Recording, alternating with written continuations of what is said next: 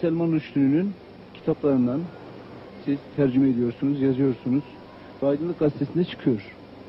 Peygamber Efendimizin Aydınlık Gazetesi'ne çıkan Salman Rüştü bana ait değildir. Onu da yazdım burada.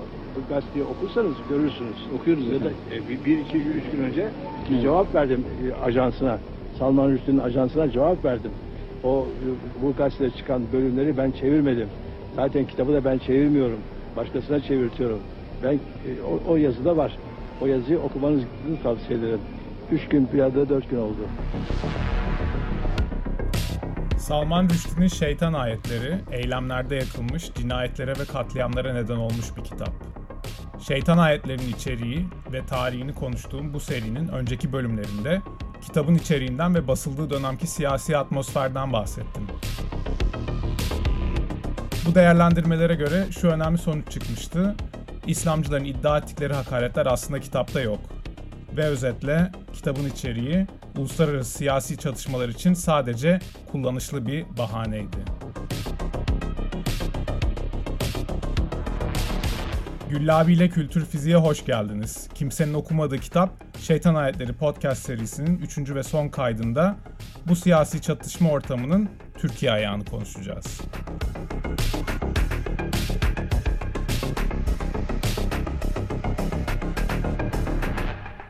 Dünyanın birçok yerinde olduğu gibi Türkiye'de kitap ilgili polemiğin tırmanmasını ve nihai olarak yasaklanmasını tetikleyen olay Hümeyni'nin fetvasıydı.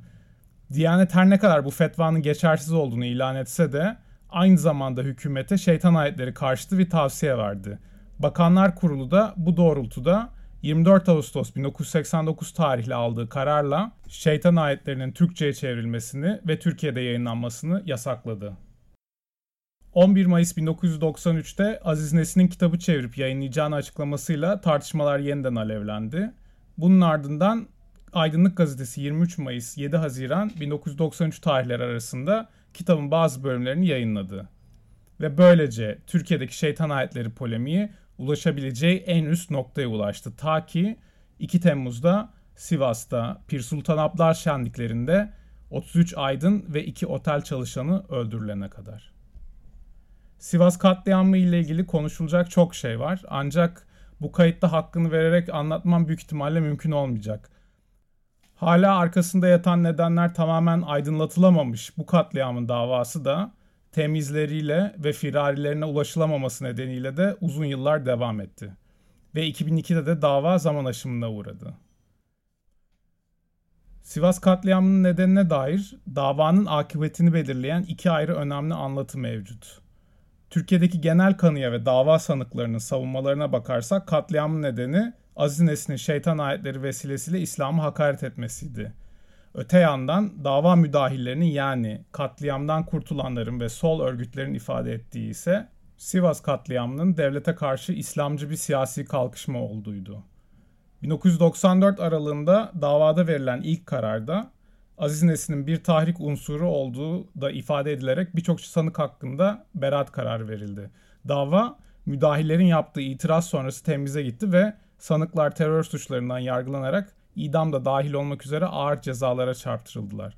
Bu idamlar infaz edilmemiş olsa da bu dava sonucu istiklal mahkemelerinden beri tek davada verilen en çok idam kararına sahip. Bütün bunlara rağmen dava tutanaklarına baktığımızda hem müdahiller hem de sanıklar çok önemli bir konuda hemfikir. Katliamın gerçekleşmesinde ve katliamla ilgili gerçeklerin ortaya çıkartılamamasında devlet kurumlarının önemli bir rolü var.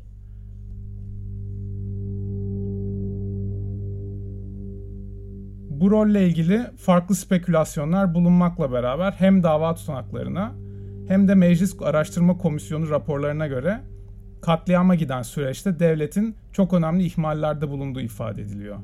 Devletin ihmalinin en çarpıcı örneklerinden biri kolluk kuvvetlerinin topluluğu dağıtmak için zamanında gönderilmemesi. Geç gönderilen kolluk kuvvetlerinin otel çevresindeki insanları dağıtmak için yeterli görülmemeleri ve dolayısıyla kitleyi dağıtmamaları. Bunun ihmal olarak vurgulanmasının sebebi ise yetersiz görülen bu kolluk kuvvetlerinin Madımak Oteli'nin yakılmasının ardından valiye saldıran bu kitleyi rahatça dağıtabilmiş olması. Devletin en önemli ihmali ise katliam sonrası araştırmaların ve incelemelerin detaylı yapılmaması. Tanıkların ifadeleri ve meclis araştırma raporuna göre kente dışarıdan bazı gruplar geliyor ama bu grupların kim oldukları ve nasıl geldikleriyle ilgili dava tutanaklarına giren fazladan hiçbir bilgi yok. Bu noktada sorulması gereken önemli sorulardan biri şu. Olayları tetiklediği kabul gören Müslümanlar imzalı bildiri kimler tarafından hazırlanıp dağıtıldı? Bu bildiriyi şimdi bütünüyle okumayacağım. Zira bildiri aslında kaydın başında okuduğum, yani ilk kayıtta okuduğum sanık savunmasından çok da farklı bir şey demiyor. Kısaca İslam'a ve Hazreti Muhammed'in eşlerine hakaret eden şeytan ayetlerini yayınlamak isteyen Aziz Nesin'in Sivas'ta yeri olmadığını söylüyor ve Müslümanları kenti savunmaya çağırıyor. Bildirinin dava tutanaklarına giren kopyasını hem Twitter'da hem de sistemde podcast kaydının sayfasında bulabilirsiniz. Tabii ki Sivas katliamını tetikleyen en önemli etken Aziz Nesin'in şeytan ayetleri polemiği ya da elden dağıtılan bir bildiri değil. Bu bildiriyi manşetine taşıyarak kentte bir ahlaki payrık yaratan yerel gazetelerdi. Bunun asıl nedeni de tahmin edebileceğiniz üzere Şeytan Ayetleri kitabı ve içeriğinden çok daha öte dönemin siyasi atmosferiyle ilintiliydi. Her şeyden önce 1993 yılının Temmuz ayında Türkiye'deki siyasi durum nasıldı bir hatırlayalım. 1991 genel seçimleri sonucunda hükümeti DYP ve SHP koalisyonu kurmuştu. Diğer yandan Pir Sultan Abdal şenlikleri Sivas, Banaz'da yapılıyordu. Sivas'ın o dönem belediye başkanı Refah Partisi'nden Temel Karamollaoğlu'ydu. Ve şenliğin yapıldığı zaman Refah Partisi'nin Türkiye siyasi tarihinde çok büyük bir başarı yakalayarak İstanbul ve Ankara Büyükşehir Belediyelerini alacağı 94 yerel seçimlerinden sadece 9 ay öncesiydi. Süleyman Demirel'in Cumhurbaşkanı seçilmesinin ardından Tansu Çiller daha yeni başbakan olmuştu ve bu tarihten itibaren birkaç yıl boyunca Türkiye Devleti PKK ile düşük yoğunluklu savaşın en karanlık dönemine girecekti. Dönemin önemli bir çelişkisi bu hükümetin içinde sosyal demokratların bulunması ve özellikle İslamcı kesimden ciddi tepkiler almasıydı. Sivas katliamı özelinde ise SHP'ye karşı bu tepki sanık savunmalarında kendini açıkça gösteriyor. Ufak bir örnek vermem gerekirse savunmalardan birinde şöyle deniyor. SHP yönetimi yıllarca özlemini çektiği iktidara kavuşmanın vermiş olduğu heyecanla ne yaptığını gayet iyi bilmektedir. Önce Sivas'a kendi kontenjanından bir vali atamış, sonra da Sivas halkının ihtiyaç ve talepleri yerine kendisine oy vermiş bir kesimin ihtiyaç ve taleplerini karşılamaya kendisini memur hissetmiştir. Bu meydanda SHP'li Kültür Bakanı'nın maddi manevi katkılarıyla devlet destekli hale getirilen şenlik ilk defa bu boyutlarda organize edilmiştir. Her yıl Banaz'da yapılan şenlikler bakanlık desteği nedeniyle bilinmeyen maksatlara yönelik Sivas il merkezinde düzenlenmiştir. Yine bu yıl bu şenlik sebebiyle adına şenlik yapılan şahsın heykelinin dikilmesi de bir başka dikkat çeken konudur. Savunmadan da anlaşılacağı üzere sanıkların ve katliam öncesinde yerel gazetelerin en çok tepki gösterdiği olgu, şenlik organizasyonunun yarısının önceki yıllarda Pir Sultan Abdal'ın köyü olan Banaz'da yapılırken 93 yılı için Sivas merkezde yapılacak olmasıydı. Muhafazakar Sivas merkez için bu solun bir gövde gösterisi olarak algılandı ve organize edilmesinde de birinci sorumlu olarak Vali Ahmet Karabilgin görüldü.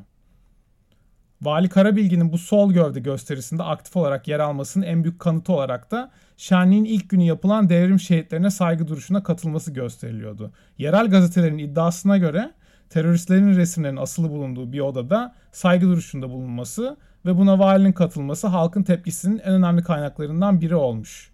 Bu sanıkların savunmalarıyla da dava tutanaklarına şöyle girmişti.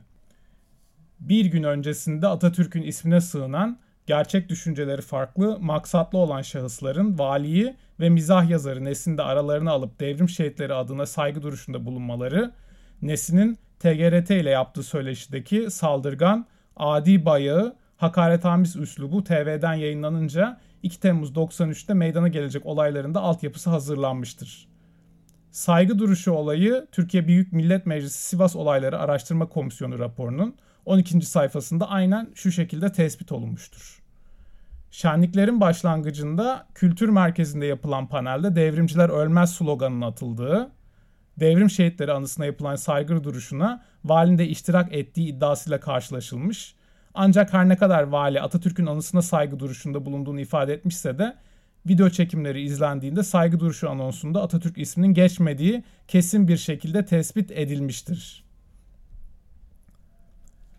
Kısacası Orta Anadolu'da, o dönem Refah Partisi'nin yönettiği Sivas'ta, sosyal demokrat hükümet destekli görünen bir Alevi şenliğinin düzenlenmesinin İslamcılar tarafından bir tehdit olarak algılanmış olduğu sanık ifadelerinde gayet açıkça görülüyor.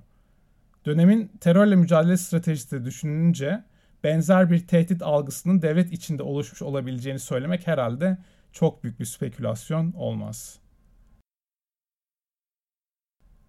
Şimdi kaydın asıl konusuna dönersek, özetle şeytan ayetleri Sivas katliamının gerçekleşmesindeki bahanelerden biri. Ama dönemin siyasi havası ve devletin katliam sırasındaki tutumu katliamın gerçekleşmesinde kitabın içeriği ya da yayınlanmasından çok çok daha önemli bir yer alıyor. Sivas katliamında adalet hala yerini bulmuş değil. Biraz önce bahsettiğim gibi devletin katliam sonrası yeterli incelemeleri yapmadığı anlaşılıyor. Ayrıca 8 sanığın da yakalanamamış olması davanın 2012 yılında zaman aşımına uğramasına neden olmuştu. Davanın bir numaralı sanığı dönemin Refah Partisi'nden Cafer Erçakman'ın adaletle yüzleşmeden hayatını kaybetmiş olması da en vurucu noktalardan biri. Halk nezdinde adalet duygusunun zedelenmesinin en önemli örneği de bu verilen zaman aşımı kararı ile ilgili dönemin Başbakanı Erdoğan'ın hayırlı olsun demiş olmasıydı. Yasal olarak yapacak çok bir şey kalmamış olsa da katliamla yüzleşilmesi ve toplumsal hafızadan silinmesinin engellenmesi çok önemli. Nitekim konuyla ilgilenen sivil toplum kuruluşlarında en somut talebi Madımak Oteli'nin bir utanç müzesine çevrilmesi şeklinde. Madımak Oteli 2010 yılında kamulaştırıldıktan sonra şu an bilim ve kültür merkezi olarak kullanılıyor. Devletin gerçekleştirdiği bu projeden mağdur aileleri ve konuyla ilgilenen STK'lar hiç de memnun değil. Zira proje kendilerine danışmadan yapılmış. Bunun yarattığı çelişkileri ve sorunları Hafıza Merkezi'nin konuyla ilgili sayfasından öğrenebilirsiniz. Ayrıca özetle söylemek gerekirse devletin bakış açısının halen saldırganları koruyucu bir şekilde olduğu anlaşılıyor. Kaydın sonlarına yaklaşırken farklı bir konudan dönemin solunun kitaba olan bakış açısından bahsetmek istiyorum. İslamcıların kitabı içeriğinden bağımsız bir sembol olarak nasıl enstrümantalize ettiklerinden çokça bahsettim. Ancak diğer yandan Nesin üstüne basa basa kitabı okumadığını ve edebi değerleriyle ilgilenmediğini söylemesi tersten ama benzer bir tutuma işaret etmiyor muydu? Bu aslında katliamın hemen öncesinde ve hemen sonrasında hali hazırda tartışılmıştı. Hem de doğrudan Nesin'in ve Rüştü'nün karşı karşıya geldiği bir polemikle. Rüştü kitabının bazı bölümlerinin kendisinden habersiz aydınlıkta yayınlanmasından sonra Nesin'e buyurgan bir mektup yollayarak ikisi arasında Sivas katliamından sonra da sürecek olan bir polemiği ateşlemiş oldu. Rüştü'nün mektubundan sonra gazete makaleleri devam eden bu polemiğin içeriğini Nesin kitaplığının bir tutam aydınlık kitabından okumak mümkün. Bu atışmalar çerçevesinde öğrendiğimiz en çarpıcı bir ayrıntı şu. Şeytan ayetlerinin bazı bölümlerinin aydınlıkta yayınlanmasında Nesin hiçbir sorumluluğu yok. Bunun en önemli kanıtı o dönem aydınlığın başyazarı olan Nesin'in şeytan ayetlerinin bölümlerinin yayınlanması kararı alındığı sırada yurt dışında olması. Ve de kaydın başında sizlere dinlettiğim 1 Temmuz 94 tarihli Nesin röportajı. Rüştü ve Nesin polemiği sırasında yazılanlardan öğrendiğimiz bir diğer ayrıntı da Rüştü'nün Nesin ve Aydın'ın stratejisine tepkisi. Hatırlayacağınız üzere Nesin'in şeytan ayetlerini yayınlamak istemesinin nedeni kitaba verdiği edebi değer değil, Türkiye'de uygulanan anti-laik ve antidemokratik bir uygulamayı delmek istemesiydi. Ki zaten Nesin kitabı okumamıştı. Çevresinde kimliği bilinmeyen başka bir kişiye yaptırıyordu. Rüştü Sivas katliamı sonrası yazdığı makalede Nesin'in bu politik stratejisiyle ilgili ve Aydın'ın eylemleriyle ilgili şöyle demişti. İlerici fikirlere, laik düşünceye ve modern dünyaya karşı yürütülen savaşta ki bu savaşta sözüm ona Rüştü olayı küçük bir bölümden başka bir şey değildir. 89'dan beri İranlı mollalar ve İslami bağnazlar dünyanın her yerinde şeytan ayetlerinden bağlamından kopartılmış parçaları alıyor ve yayınlıyorlardı başka siyasi amaçlara yardım etmekle birlikte Türk laikler ve anti köktancılar kitabımı tamamen aynı özensiz biçimde kullanıyorlardı. bir kez daha başkasının oyununun parçası olmuştum. Makalesinin geri kalanında Rüştü'nün Nesin ve arkadaşlarını ifade özgürlüğü kisvesinde ortadaki kanlı bir çatışmayı tahrik etmekle suçlaması kesinlikle kabul edilemez. Ki zaten Nesin de buna Sivas trajedisinden sonra Türkiye'nin İçişleri Bakanı bile beni sizin kadar suçlamamıştı diyerek cevap vermişti. Bu ayarsız isnatları bir kenara bırakırsak hem Rüştü'nün işaret ettiği hem de Nesin'in de kabul ettiği üzere şeytan ayetlerinin Türkiye'de yayınlanması politik bir duruşun ve eylemin bir parçasıydı. Ve her politik eylemlikte olduğu gibi şeytan ayetleri özelinde de konunun gündeme getirilmesinde farklı aktörler ve stratejiler vardı. Her ne kadar medyada şeytan ayetleri poleminin öne çıkan aktörü Nesin olarak gözükse de aydınlığın Nesin'den bağımsız olarak bu yayınlama kararını alabilmiş olması aydınlık çevresinin bu eylemlerde ne kadar da önemli bağımsız bir aktör olduğunu gösteriyor. Çünkü bu karar neticesinde iktidar ortağı olan sosyal demokratlara ve aydınlara saldırma isteği içerisindeki örgütlenmelere gerekli bahaneler verilmiş oldu. Bu bahanenin ne kadar kullanışlı olduğunu Sivas katliam davasının temizde bozulmuş ilk kararında görüyoruz. Bu karara göre suçlar Aziz Nesin'in ve şeytan ayetlerinin ağır tahriki altında işlendiğinden sanıklar ceza indirimi almışlardı. Aydınlık'ta yayınlanan yazı dizisinin katliam için bir bahane olarak kullanıldığını ifade eden en önemli kaynak ise aynı dönem Aydınlık'ta çalışan Aziz Nesin'in oğlu Ahmet Nesin. Ki o bu iddiayı bir adım daha ileri götürerek Aydınlık gazetesi ve gazeteyi kontrol eden dönemin işçi partisi çevresinin bu kararı bilinçli olarak aldığını söylüyor. Tabii ki bu iddianın ne kadar doğru olduğunu hiçbir zaman bilemeyeceğiz. Ama kesininden emin olabileceğimiz şey şu. O dönem Şeytan Ayetleri yazı dizisinin yayınlanmasının Nesin için yarattığı tehlike barizdi. Ve eylemin politik yönü bir yana sırf bu kişisel neden yüzünden bu karar hakkında son sözü söyleyecek insan Aziz Nesin'in kendisi olmalıydı. Peki gerçekte ne oldu? Aziz Nesin'in aydınlıkla olan bağı neydi? ve şeytan ayetlerinin o güne kadar yapılan çevresinin yayınlanması kararı nasıl alındı? Son olarak da bunu konuşalım. Aziz Nesin'in aydınlıkla olan ilişkisinin temelde ticari olduğunu bugüne kadar basında sadece Ahmet Nesin değil birçok başka kişi daha anlatmıştı. Bu ilişki 12 Eylül sonrası sol bir gazete çıkarma amacıyla Nesin'in kurduğu 10 binler anonim şirketine dayanıyordu. Aynı dönem aydınlıkta çalıştığı için olaylara içeriden şahit olmuş Ahmet Nesin bu 2019 yılının Sivas katliamı yıl dönümünde bir makale yayınladı. Burada anlattığına göre projenin sol bir gazete olmasından dolayı aydınlık kadrosu da işin içinde olmak istemişti ve Aziz Nesin gazetenin başyazarı olmuş olsa da diğer önemli rollerde aydınlıkçılar devam etmişti ve Ahmet Nesin dediğine göre gazetenin kontrolü de her geçen gün daha çok aydınlıkçıların yani dönemin işçi partisinin kontrolü altına girmekteydi. Ahmet Nesin Şeytan Ayetleri serisinin yayınlanması kararının alınmasını da doğrudan buna bağlıyor. İfadesine göre kendisini ve babasının bu kararın farkına varması bizzat Şeytan Ayetleri dizisinin gazetede yayınlanmasının hemen ardından gerçekleşiyor. Aydınlığın Şeytan Ayetlerinin bölümlerini Nesin'den habersiz apar topar yayınlama kararını almasının nedenini bilemiyoruz. Ama Ahmet Nesin'in yaptığı ithamlar çok ağır. Bu çerçeveden bakıldığında garip olan aydınlığın bu gerçeğin üstünü kapatmak istiyor görüntüsü. Bunun bana göre en önemli örneği de Aydınlık'ta 2014 yılında Sivas katliamının yıl dönümünde yayınlanan Aziz Nesin Şeytan Ayetlerini Neden Yayınladı başlıklı makale. Özetle kitabın politik tarihi karşıtları için olduğu kadar savunucuları için de bir o kadar karışık. Üç kayıttan oluşan Şeytan Ayetleri dosyasını kapatırken belki de şu soruyu sormam gerek. Şeytan ayetleri etrafındaki eylemler ve hareketlerin tarihi bize ne anlatıyor? İlk olarak bir kitap hiçbir zaman sadece bir kitap değildir. Herhangi bir sanat eseri sembolleştiği ya da göstergeleştiği anda kitler için ifade ettiği şey içeriğinden tamamen bağımsız hale gelmekte.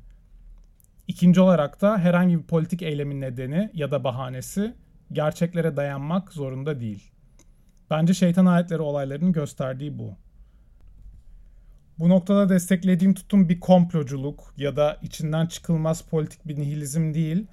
Bence siyasi hareketlerin kendi anlatılarının ötesinde derin ve elle tutulur bir analizinin yapılması gerektiği. Bu seri boyunca üstünde basa basa bahsettiğim şey, şeytan ayetleri eylemleri ardında yatan siyasi nedenlerin kitabın içeriği ve varlığının tamamen ötesinde olduğuydu. Söz konusu siyasi aktörler ve kitleler zaten yapacakları eylemleri uygulamaya dünden hazırlardı ve şeytan ayetleri sadece kullanışlı bir bahane oldu.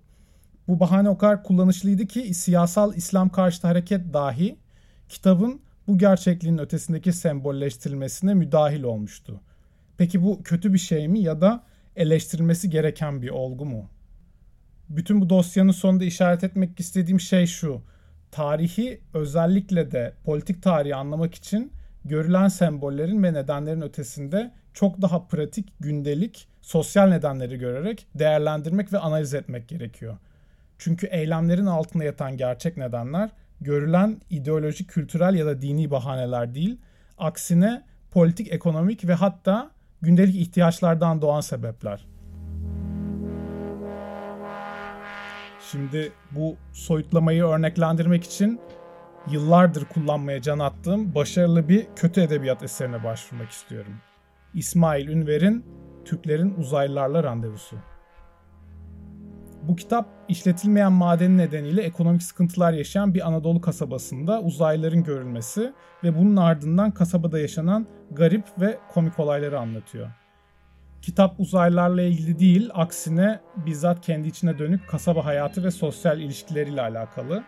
Ki zaten spoiler, aslında kasabayı ziyaret eden uzaylılar da yok. Uzaylıların ilk ortaya çıkışı kiracılarını evden çıkartmak isteyen bir ev sahibinin kiracıları korkutmak üzere tuttuğu kişilerin uzaylı kılığına girmeleriyle başlıyor. Ve belediye başkanının da uzaylılarla bağlantıda olduğuna dair medyaya açıklama yapmasına kadar varıyor. Esasen belediye başkanının da uzaylılara inandığı falan da yok. Ama amacı uzaylı hikayesinden yararlanarak kasabanın ismini tanınır hale getirmek ve kasabayı içinde bulunduğu kötü ekonomik durumdan kurtarmak. Dediğim gibi Türklerin uzaylılarla randevusu esasen kendi başına iyi bir edebiyat eseri değil. Hikayenin önemli bir kısmı kadın sosyal ortamında olduğu halde özellikle kadın betimlemeleri de ciddi anlamda cinsiyetçi. Ama samimi yazılmasıyla ve konu örgüsüyle bir anda yanlışlıkla iyi bir sanat eserine evriliyor. İşlediği hikayenin ilginçliği ve anlatının akla yatkınlığı hikayenin nispeten başlarında mevzuya kasabanın imamının dahil olmasıyla yaşanıyor. İmam yaşanan olaylar hakkında uzaylıların kafir ve mümin olarak ikiye ayrıldığını ve maalesef kasabaya dadananların kafir cinsinden olduğunu söylüyor. Ve devamında tabiri caizse bir fetva vererek halkın bu uzaylıları gördükleri yerde alınlarındaki üçüncü gözlerine bir taşla vurması gerektiğini ilan ediyor. Bunun yol açtığı komik sonuç ise kişisel husumeti olanların gecenin karanlığında hasımlarına saldırmaları oluyor. Yakalandıklarında savunmaları da karanlıkta uzaylı olduğunu sandım demek. Aralarında kız meselesi olan hasımlardan hocasıyla not sorunu yaşayan lise öğrencisine kadar geniş yelpazedeki kasaba halkı bu bahaneyi kullanıyor. Yani sonuçta dini otoritenin verdiği şiddet kullanma ehliyetinden yararlananlar bunu uzaylılardan korktuklarından ya da İslam'ın uzaylılar konusunda şer'i karar verme mekanizması olduğuna inandıklarından değil, kendilerine kişisel yarar sağladığı için yapıyorlar. Bu hikaye için ideolojinin klasik bilmiyorlar yine de yapıyorlar açıklamasının ötesinde Slavoj Žižek'in popülerleştirdiği biliyorlar ama yine de yapıyorlar formülü daha çok geçerli. Sosyal olayların nedenlerini anlayabilmek, hatta ortaya çıkan eşitsizlikleri ve mezalimi deşifre edebilmek için bu bahanelerin ardına aktörlerin kişisel çıkarlarına bakmak gerekiyor. Ki bu İsmail Ünver'in kitabında çok iyi işlenmiş uzaylı odaklı büyüyen bütün bu olayların dayandığı en temel sorun ekonomik. Hikayenin sonunda belediye başkanı da söylediği yalanları kabul ederek sorumluluğu üstüne alıyor ve bundan pek de pişmanlık duymuyor. Zira hikayenin sonunda kasabanın medyada artan görünürlüğü sayesinde maden şirketleri yatırımları geri dönüyor. Yani belediye başkanı amacına ulaşıyor. Şeytan ayetlerine geri dönersek mevzu ne sonlanmış durumda ne de mutlu bir sona ulaşmak mümkün görünüyor. Yaşanan şiddet olayları ne Ünver'in kitabındaki gibi gülnesi ne de bu şiddet olaylarının nedenlerinin işaret edilecek tek basit bir nedeni var. Ama yine de Kitabın içeriğinden yaşananların ayrıntısına kadar konuşulacak çok şey var ve hatta konuyla ilgili her geçen gün yeni bir bilgi ortaya çıkıyor. Sivas katliamı da hala eylemleri ve mücadeleleriyle güncelliğini koruyor. Amacım bu yakın tarihin kamudaki değerlendirmelerine biraz da olsa derinlik kazandırabilmekti. Umarım sadece Türkiye değil, dünya tarihinde de ağır acılara yol açmış bu kitabın etrafındaki bilinmezlik perdesini bu seriyle bir nebze de olsa aralayabilmişimdir. Bir sonraki kayıtta görüşmek üzere. Bu kaydımı dinlediğiniz için tekrar teşekkürler. Şeytan Ayetleri serisinin diğer kayıtlarını ve yaptığım diğer podcast kayıtlarına ulaşmak için Güllabile Kültür Fizik kanalına Spotify, SoundCloud ve iTunes'dan ulaşabilirsiniz. Bu kayıtlarla ilgili diğer bilgileri yani ayrıntıları da web sitemden güllabi.github.io'dan görebilirsiniz. Ve son olarak da yorumlarınız ve sorularınız için bana Twitter'dan ulaşabilirsiniz. Hesabım Güllabi.